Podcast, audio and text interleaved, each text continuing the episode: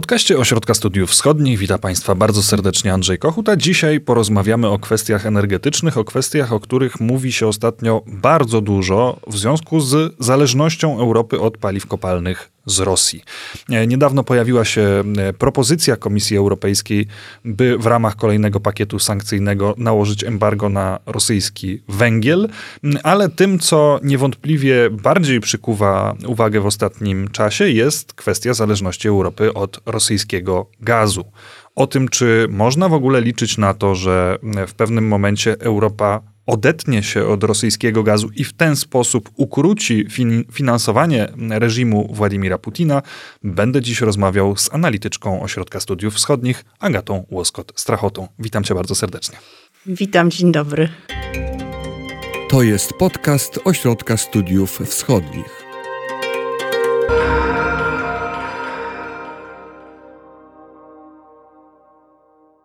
W ostatnich dniach e, byliśmy świadkami zdjęć, obrazów, e, rozmaitych e, nagrań, które dokumentują to, co wydarzyło się w Buczy. I to jest kolejny impuls do tego, by rozmawiać o dodatkowych sankcjach na reżim rosyjski. Wiemy, że te uzależnienie Europy od paliw kopalnych rosyjskich, przede wszystkim od gazu i ropy, powoduje, że Rosja w tym putinowskim wydaniu będzie mogła trwać jeszcze długo i w związku z tym wiele osób zadaje sobie pytanie, czy nie należałoby tego ukrócić. To ja zadam podstawowe pytanie, czy to jest w ogóle możliwe? E, rzeczywiście pytanie o gaz ziemny i o zależność Europy od dostaw rosyjskiego gazu pojawia się tak naprawdę od początku wojny, a nawet i wcześniej, bo trzeba pamiętać, że od ponad pół roku mamy e, w Europie kryzys na rynku gazu, rekordowe ceny tego surowca, no i pytania, które przyrodziły się tak naprawdę w dochodzenie Komisji Europejskiej o to, czy Gazprom nie doprowadził trochę, nie manipulował e, sytuacją na rynku w celu właśnie e, wywołania kryzysu i utrudnienia ewentualnych działań w związku z wojną na Ukrainie. E, I rzeczywiście, każde zaostrzenie sytuacji na Ukrainie, czy każde e, upublicznienie informacji takich jak ostatnio o, o masakrze w Buczy, powoduje oburzenie europejskiej opinii publicznej e, i tak naprawdę wzmaga apele o to, żeby wstrzymać całkowicie import rosyjskich surowców energetycznych, to jest ropy i przede wszystkim gazu ziemnego. E, nawet został skonstruowany taki specjalny licznik, który liczy, ile państwa Unii płacą dziennie, czy zapłaciły tak naprawdę od początku wybuchu wojny. I to jest to są olbrzymie e, sumy tak naprawdę. Jeśli przeliczyć by to na, na, na, na poszczególne dni, to e, Unia dziennie wysyła kilkaset milionów euro, jeśli nie prawie miliard ze względu na wciąż rosnące ceny surowca. Także tak, pytanie o embargo na import gazu ziemnego pojawia się. E, jest to pytanie ważne i pytanie trudne. Dlaczego jest to trudne? No bo, po, tak jak powiedziałeś, Unia jest bardzo zależna od rosyjskiego gazu ziemnego. Importuje e, rocznie około 40% całości zużywanego surowca z Rosji. E, I trudno jest to tak z dnia na dzień zastąpić. Trudno jest to też zastąpić ze względu na sytuację na światowym rynku gazu. E, tak naprawdę od jakiegoś czasu widzimy, że e, rośnie popyt po pandemii, e, rośnie konkurencja ze strony odbiorców azjatyckich. Gazu jest takiego wolno dostępnego mniej. No i jest on po prostu bardzo drogi. Tak jak mówiłam, te ceny gazu w Europie związane są z sytuacją jeszcze sprzed wojny, ale oczywiście wojna winduje ceny jeszcze wyżej i każde tak naprawdę na pomknienie o sankcjach e, odbija się na cenach e, na e, europejskich giełdach gazu. Niemniej Komisja Europejska ma dosyć jastrzębi plan, jeżeli chodzi o uniezależnienie się od rosyjskiego gazu i mówi o tym, że już w perspektywie roku można by bardzo zredukować zakupy tego surowca z Rosji, a w perspektywie kilku lat, być może do 2027, być może do 2030, można by z tego gazu zrezygnować całkowicie. W jaki sposób miałoby to być możliwe? Więc faktycznie y, Komisja Jastrzębia nie jest najbardziej Jastrzębia, bo widzimy też państwa znacznie bardziej Jastrzębie, widzimy kraje bałtyckie. Litwa właśnie ogłosiła, że w ogóle przestaje importować gaz ziemny. To jest dosyć proste w przypadku Litwy, ale zrobiła to. Polska, która jest dosyć y, w dużym stopniu jeszcze zależna od importu gazu w tym roku, y, także nawołuje do embarga na rosyjskie surowce. No natomiast jest szereg państw, które są mniej jastrzębie, e, które mówią, że należy podchodzić ostrożniej, e, właśnie ze względu na ich dużą zależność, bądź też brak działań dywersyfikacyjnych. No i e, w porównaniu z tą, powiedzmy sobie, średnią zachodnioeuropejską, plan komisji rzeczywiście e, wydaje się e, dosyć ambitny. Komisja ogłosiła tak zwany plan Repower EU. I w nim zakłada, że Unia będzie się uniezależniać od importu rosyjskiego gazu. I po pierwsze, chciałaby, żeby w tym roku zmniejszyć import tego surowca o dwie trzecie już, E, a całkowicie pozbyć się zależności od rosyjskiego gazu przed rokiem 27. No więc plan jest ambitny e, i e, istnieje szereg propozycji, jak to zrobić, ale istnieje też szereg pytań co do wykonalności tych propozycji. To, co komisja proponuje, to jest zmniejszenie zużycia w rozmaity sposób, ale też dywersyfikacja. I taka dywersyfikacja w doraźnie, ale także w dłuższym okresie miałaby następować poprzez, poprzez olbrzymie zwiększenie importu LNG, przede wszystkim chyba ze Stanów Zjednoczonych. O tym świadczy właśnie podpisane takie partnerstwo amerykańsko-unijne e, dotyczące importu właśnie LNG, e, a także zwiększenie importu e, gazu gazociągowego. I tutaj widzimy znowu rozmowy z różnymi dostawcami. Unia rozmawia z Azerbejdżanem, ale rozmawia także z Norwegią, która ostatnio ogłosiła, że, że do końca tego roku jest gotowa, czy ma możliwości zwiększyć e, produkcję i eksport swojego gazu o 15-20 miliardów metrów sześciennych, to jest bardzo dużo, ponieważ do niedawna produkcja norweska otrzymywała się na stałym poziomie, stabilnym e, i, i tak naprawdę te zwiększenie było niewielkie. Tutaj widać, że to jest także krok, gest w stronę Europy e, w związku z trudną sytuacją, w jakiej Europa się znalazła. Natomiast tak jak powiedziałam, jest szereg pytań, czy, czy taka dywersyfikacja rzeczywiście w szybkim tempie jest możliwa. Przede wszystkim jeśli chodzi o LNG amerykańskie czy inne, to wiemy, że większość mocy terminali eksportowych jest zarezerwowana e, od dawna, zarówno tych terminali istniejących, jak i budowanych. Także trudno jest tam coś nowego e, szybko znaleźć. Co więcej, e, część, mocy, e, część LNG niezakontraktowanego oczywiście jest na rynku, ale e, w ostatnich miesiącach w związku z sytuacją na europejskim rynku, tak jak mówiłam, kryzys, wysokie ceny, problemy z dostawami od Gazpromu, większość tego wolnego LNG płynęła już do Europy. Już widzieliśmy znaczący wzrost importu właśnie między innymi ze Stanów i tak naprawdę LNG zaczęło być głównym źródłem dostaw na rynek europejski, deklasując pierwszy raz w historii import z Rosji. E, więc pytanie się pojawia, czy a tak naprawdę w jakiej perspektywie czasowej możliwe jest e, znalezienie większych jeszcze e, dostaw gazu skroplonego, e, jak szybko mogą być budowane terminale eksportowe i tak dalej. I to, i to jest trudne pytanie. Żeby... A z kolei, kiedy rozmawiamy o Norwegii czy Azerbejdżanie, rozumiem, że pojawia się kwestia również infrastruktury przesyłowej, która no, też nie powstanie z dnia na dzień. No więc właśnie, ta infrastruktura przesyłowa jest tutaj pewnym, jak to powiedzieć, ograniczeniem na pewno. E, wiemy, że Azerbejdżan mógłby o troszkę zwiększyć i że to było planowane, ale to jest kwestia jednego, dwóch miliardów metrów sześciennych. E, jeśli chodzi o Norwegię, to tutaj taką szansą jest właśnie e, budowane tak naprawdę na ukończeniu gazociąg Baltic Pipe, którym gaz będzie płynął przede wszystkim do Polski, ale ewentualnie z Polski także do innych państw regionu. I, i to jest dodatkowa infrastruktura. E, ale na, na pewno takim ograniczeniem jest także infrastruktura e, wewnątrz norweska, czy to, że główne nowe złoża gazu w Norwegii znajdują się na Morzu Barenca, tam potrzeba jest budowy w ogóle nowej infrastruktury. I tak jak terminale w Stanach, tak ta infrastruktura norweska, żeby powstać, potrzebuje zabezpieczenia w postaci długoterminowych kontraktów. Natomiast w Europie wiemy, że jest potrzeba gazu teraz, wiemy, że będzie pewnie ta potrzeba do roku 2030, 2030. Natomiast wiemy też, że w długoterminowej perspektywie Europa tak naprawdę chce odchodzić od gazu, mhm. dlatego że trwa transformacja energetyczna e, i realizowana jest strategia Zielonego Ładu, a tak naprawdę to, co się dzieje w relacjach z Rosją, de facto w większości przypadków przyspiesza działania na rzecz odchodzenia od gazu ziemnego i zmniejszania e, zależności od niego. I to jest, tak rozumiem, druga noga e, tego planu Komisji Europejskiej, tego przedstawionego Repower EU. Z jednej strony dywersyfikacja, z drugiej strony ograniczanie zależności od gazu i tutaj się te klimatyczne e, programy wpisują. Tak jest. E, tu się wpisują, e, mówimy o zwiększaniu efektywności energetycznej, mówimy o przechodzeniu na odnawialne źródła energii. Y, czy y, inne sposoby ogrzewania przede wszystkim w Europie.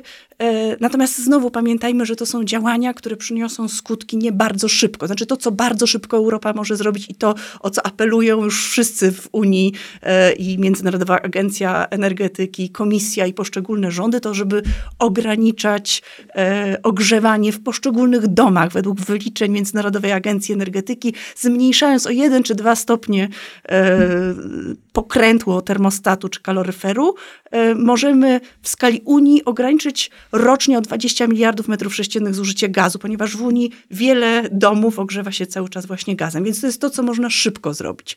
Natomiast pozostałe rzeczy to jest kwestia znowu długoterminowa.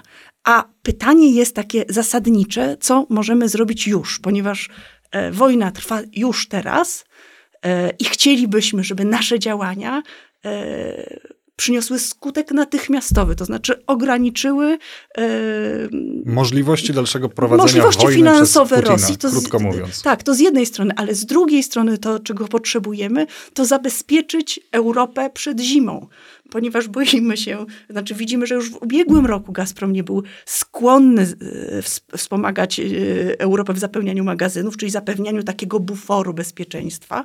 Natomiast jeżeli teraz e, stoimy przed ryzykiem z jednej strony wprowadzenia embarga, ale z drugiej strony także działań retorsyjnych ze strony Rosji, to znaczy nie można wykluczyć, że to Rosja mm, po prostu wstrzyma albo znacznie ograniczy dostawy do Europy.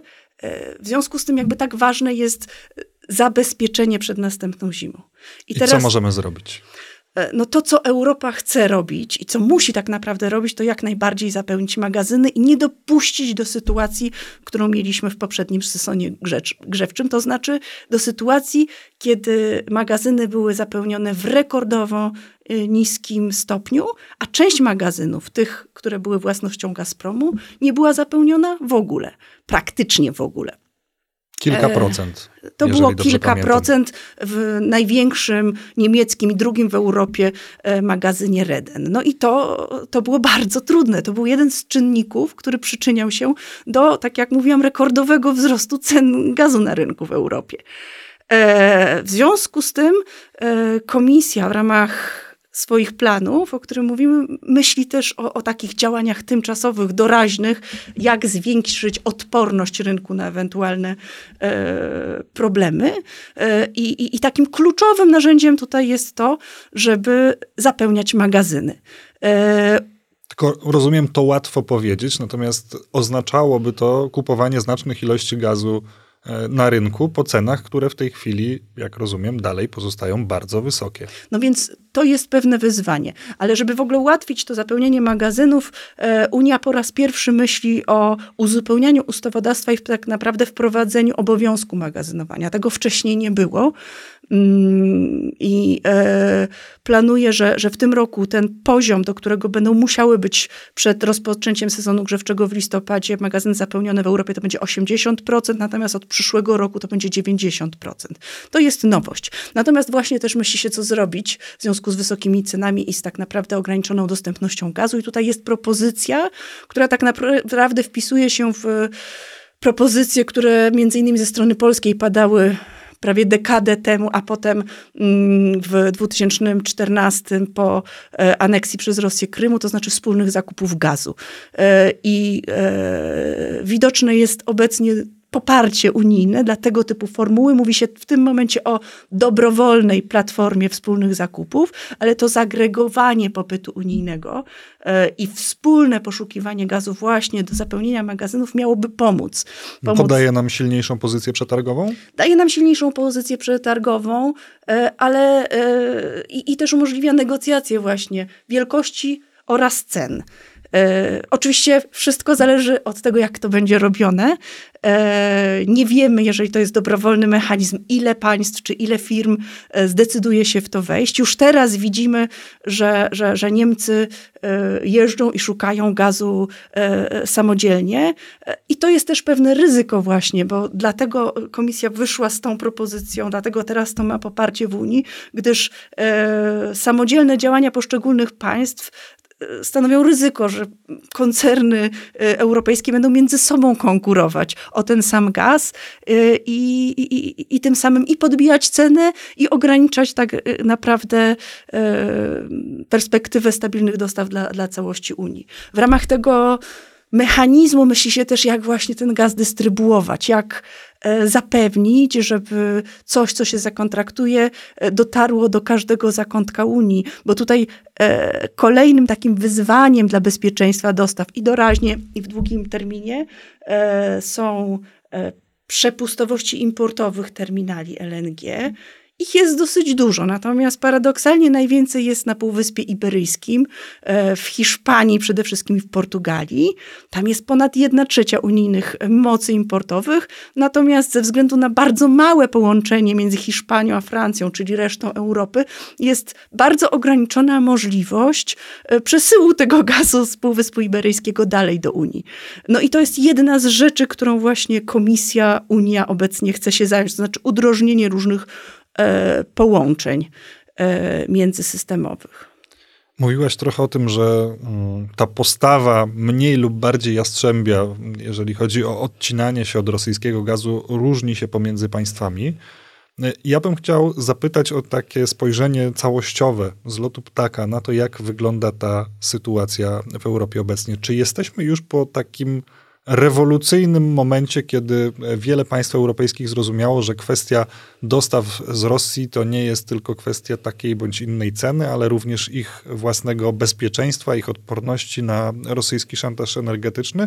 Czy to jest tak, że to już się stało i te państwa weszły w nową logikę uniezależniania się od Rosji wolniej bądź szybciej, czy jest jeszcze jakaś grupa państw, która myśli o tym, by po jakimś czasie wrócić do status quo i nie rozważa tego rodzaju kroków?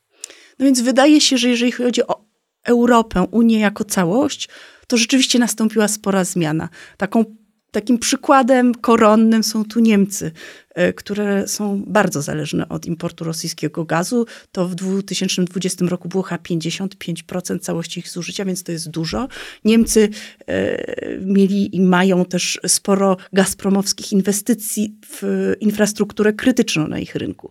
E, natomiast to, co widzimy ostatnio, to jest rzeczywiście olbrzymia zmiana tak naprawdę paradygmatu myślenia o gazie w Niemczech. To znaczy Niemcy na gwałturety starają się dywersyfikować, e, przyspieszają budowę terminali LNG, ponieważ e, nie wiem, czy wszystkim jest wiadomo, że do tej pory Niemcy nie miały żadnego terminalu własnego LNG. Tymczasem obecnie jest bodajże siedem projektów rozpatrywanych e, i te pływające jednostki, to, to, to pojawiają się informacje, że mogły być by zbudowane w tempie po prostu ekspresowym, przy przyspieszaniu procedur biurokratycznych i, i, i może w ciągu roku, dwóch, czyli to jest bardzo szybko. Mm, jeżdżą, tak jak mówiłam, przedstawiciele niemieckich koncernów i władz do e, producentów gazu, e, rozmawiając o imporcie LNG i równolegle przyspieszając działania na rzecz współpracy wodorowej, ponieważ w myśleniu niemieckim ta dywersyfikacja to jest zarówno dywersyfikacja zmniejszanie zależności od rosyjskiego gazu, jak i przyspieszenie właśnie działań na rzecz e, e, transformacji, energetycznej. transformacji energetycznej i pozyskiwania wodoru. E, także każda infrastruktura, która jest planowana obecnie, musi być kompatybilna do przyszłego wykorzystania właśnie na potrzeby wodorowe.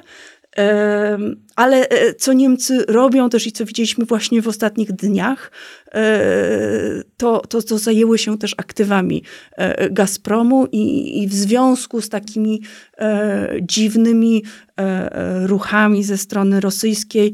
W ostatnim czasie wprowadzony został zarząd komisaryczny nad Gazprom Germania i wszystkimi jej spółkami zależnymi. Tymczasem ta Gazprom Germania to tak naprawdę E, jest grupa gazpromowska, która kontrolowała większość europejskich aktywów Gazpromu e, i odpowiadała za dużą część handlu i sprzedaży gazem. E, w ramach tej grupy skupiona była własność nad chyba, nie wiem, czy dziesięcioma magazynami gazu w Europie, w tym właśnie tym drugim największym magazynem Reden, czy największym w Austrii magazynem Hajdach. E, ale także magazynami w Serbii, w Czechach. Gazprom Germania to również kontrola nad gazociągami, dużą siecią gazociągów e, w Niemczech, ale także, pamiętajmy, odnogami Nord Stream 1 i Nord Stream 2 Opal i Nel. Wreszcie, tak jak mówiłam, to handel e, i sprzedaż gazu, bo z jednej strony e, spółki zależne od Gazprom Germanii sprzedawały gaz gazpromowski, ale także kupowały gaz na giełdach europejskich i sprzedawały odbiorcom. Mówi się, że odpowiadały one za 20% gazu, całości gazu sprzedawanego w Niemczech, ale także około 20% gazu sprzedawanego odbiorcom biznesowym i przemysłowym Wielkiej Brytanii.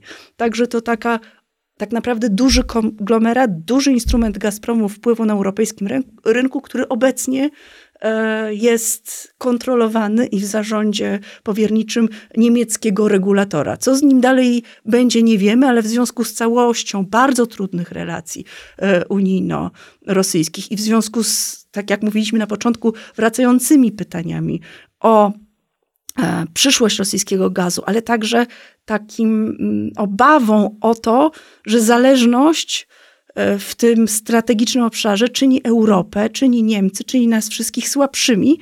E, no więc ta przyszłość Gazprom Germanii jest, e, znaczy trudno sobie wyobrazić, żeby wróciła do Gazpromu, tak.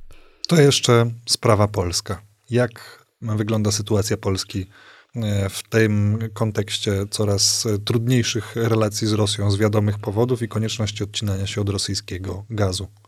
Gdzie jesteśmy na tle Europy? No więc Powiedziałabym, że Polska tak naprawdę jest w dosyć dobrej sytuacji, ponieważ jeszcze długo przed wojną planowała tak naprawdę zakończenie importu gazu z Rosji od przyszłego roku, to znaczy od 2023. E, wiązało się to z tym, że Polska nie, nie, nie zamierzała przedłużać obecnie obowiązującego i wygasającego pod koniec tego roku długoterminowego kontraktu na import surowca. I w związku z tym planem e, od wielu lat już widzieliśmy działania dywersyfikacyjne. Po pierwsze, budowana była infrastruktura. Zbudowany jest terminal LNG w Świnoujściu. Wiemy, że trwa jego rozbudowa i już moce importowe obecnie zwiększyły się do e, troszkę ponad 6 miliardów metrów sześciennych rocznie. Na ukończeniu jest, jak już mówiłam, budowa gazociągu Baltic Pipe, który e, połączy Polskę przez Danię z Norwegią, czyli drugim co do wielkości e, eksporterem gazu na rynek rosyjski. Planowana była i przyspieszyła, e, przyspieszyły plany budowy drugiego terminalu LNG w Polsce, to znaczy pływającego terminala w okolicy Gdańska. E, jednocześnie realizowane były i, i, są na ukończeniu e, łączniki międzysystemowe, to znaczy gazociągi łączące Polskę z sąsiadami. E, I wszystko to technicznie ułatwia import gazu z rozmaitych źródeł. Jednocześnie podpisywane były kontrakty. Wiemy, że jest kilka kontraktów podpisanych na import amerykańskiego LNG. Oprócz tego mamy wieloletni kontrakt na dostawy LNG z Katarem, e, jest kontrakt na dostawy pewnych ilości gazu z Danii. Wreszcie polskie spółki aktywne są na szelfie norweskim i stamtąd również mamy szansę e, sprowadzić e, pewne ilości gazu. Także tutaj widzimy, że, że szereg działań już poczyniono i te ta rezygnacja z importu rosyjskiego gazu nie powinna być w przypadku polskim aż taka trudna. Co więcej, mamy magazyny e, i od lat mamy obowiązek magazynowania e, w nich gazu. To było kontrowersyjne z różnych powodów przez jakiś czas, ale w chwili obecnej widzimy, że, że, że jest to ważne. Mm, widzimy też, że od tak naprawdę początku wojny na Ukrainie e, te magazyny zaczęły być zapełniane i obecnie są zapełnione w powyżej 65%, więc to jest e, dosyć dużo.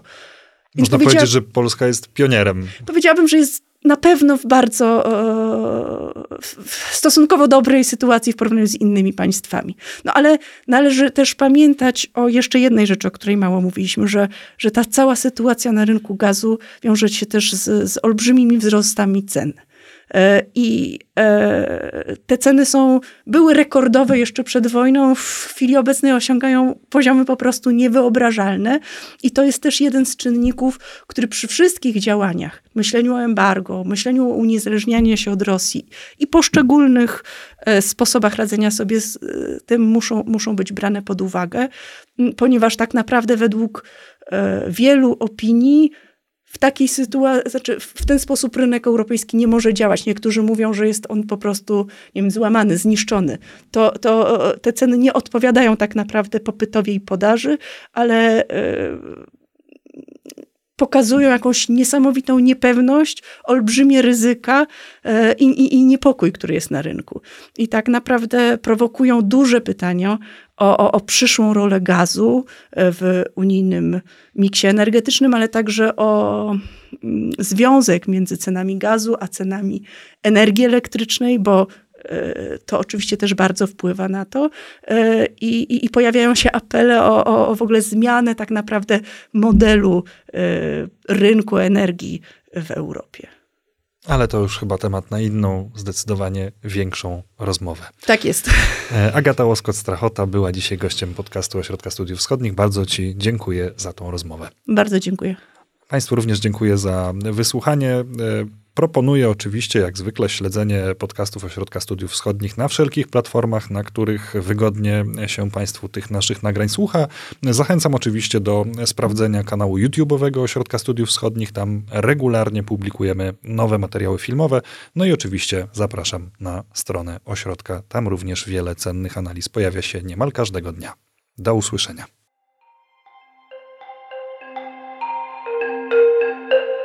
Wysłuchali Państwo podcastu Ośrodka Studiów Wschodnich. Więcej nagrań można znaleźć na stronie www.osw.waw.pl.